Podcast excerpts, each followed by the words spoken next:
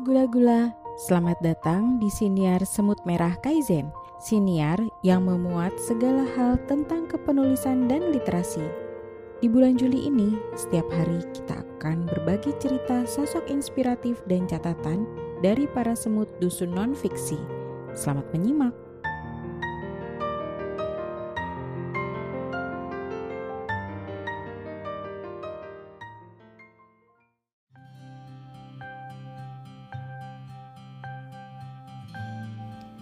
Ini autobiografi tentang Ayu Riana. Aku akan membacakannya untuk gula-gula. Selamat mendengarkan. Halo semua, namaku Ayu Riana. Aku lahir dan besar di kota Gudeg, Yogyakarta, tapi sekarang tinggal berpindah-pindah kota bersama keluarga kecilku tersayang. Dulu aku menempuh pendidikan di jurusan Ilmu Komunikasi Universitas Gajah Mada. Setelah lulus, sempat bekerja sebagai public relation di salah satu mall hits di Jogja, lalu menjadi social media manager dan membuka bisnis kecil-kecilan di rumah. Saat pandemi melanda, banyak pekerjaanku yang terpaksa berhenti. Tapi justru sejak saat itulah akhirnya aku punya banyak waktu dan energi untuk bisa mewujudkan cita-cita masa kecil yang sangat kuimpikan, yaitu menjadi seorang penulis sungguhan. Kecintaanku pada dunia kepenulisan dimulai sejak masih duduk di bangku sekolah dasar. Aku masih ingat betul, saat itu guru kelasku membagikan kertas folio dan menyuruh semua murid untuk mengarang cerita. Awalnya sulit, tidak tahu apa yang harus ditulis. Tapi lama-kelamaan, aku menemukan nikmatnya mengarang, menghayalkan cerita-cerita seru yang berbeda dari kehidupan nyata yang kujalani. Di kertas folio itu aku memulai dengan cerita pendek. Dan begitu mengenal komputer, cerita yang kutulis bertambah panjang hingga menjadi sebuah novel. Saat itu aku sama sekali belum mengenal teori menulis, teori plot, apalagi belasan titik plot rumit yang ada dalam Save the Cat. Bahkan riset pun tidak pernah, karena tulisanku semasa remaja banyak terinspirasi dari kejadian di sekitar dan latar ceritanya pun hanya sebatas tempat-tempat yang pernah aku kunjungi. Kalau sekarang tulisan-tulisan itu dibaca lagi, rasanya lucu dan menggelikan.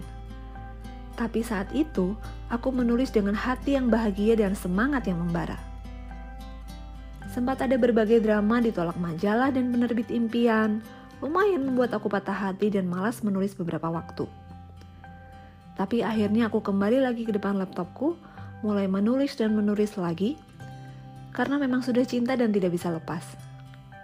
Saat kuliah, aku sempat menulis cerita-cerita fiksi di blog dan juga fanfiction di forum K-pop. Salah satu fanfiction yang kutulis sampai tamat, akhirnya dipinang penerbit, dan untuk pertama kalinya, aku punya karya yang dipajang di toko buku Gramedia. Di tahun yang sama, aku mengikuti kompetisi Gramedia Writing Project dan berhasil menjadi salah satu pemenang. Dari situ akhirnya pintu gerbang menuju penerbit impian pun terbuka lebar. Sampai hari ini, sudah genap 9 tahun aku bernaung di bawah penerbit Gramedia Pustaka Utama dan sudah menerbitkan tiga novel solo serta satu novel yang ditulis maraton bersama dua penulis lain. Setiap kali ada novelku yang terbit, aku selalu terharu karena teringat semua perjuangan dan lika-liku panjang sampai akhirnya namaku bisa bersanding dengan logo Gramedia Pustaka Utama dan ikon Metropop. Yang aku impikan sejak kecil, akhirnya kesampaian. Hingga kini aku masih terus semangat menulis. Aku berusaha menambah ilmu dan mengasah kemampuan lewat berbagai workshop, salah satunya Kaizen Writing yang diampu Bu RT kesayangan di Lestari. Kini aku semakin menemukan style menulis dan teori plot yang paling nyaman dipakai. Aku juga semakin jeli dalam melakukan riset, agar tulisan-tulisanku, meskipun fiksi, tapi tetap memiliki dasar yang valid. Ke depannya, aku ingin bisa terus berkembang sebagai penulis dan produktif melahirkan karya terbaik. Kalau bisa sih sampai tua, sampai seluruh rak buku di rumah penuh dengan novel karyaku sendiri. Minta bantuan mengaminkan ya, gula-gula. Sekian kisah perjalananku menggapai mimpi menjadi penulis. Terima kasih sudah mendengarkan. Demikian cerita inspiratif hari ini.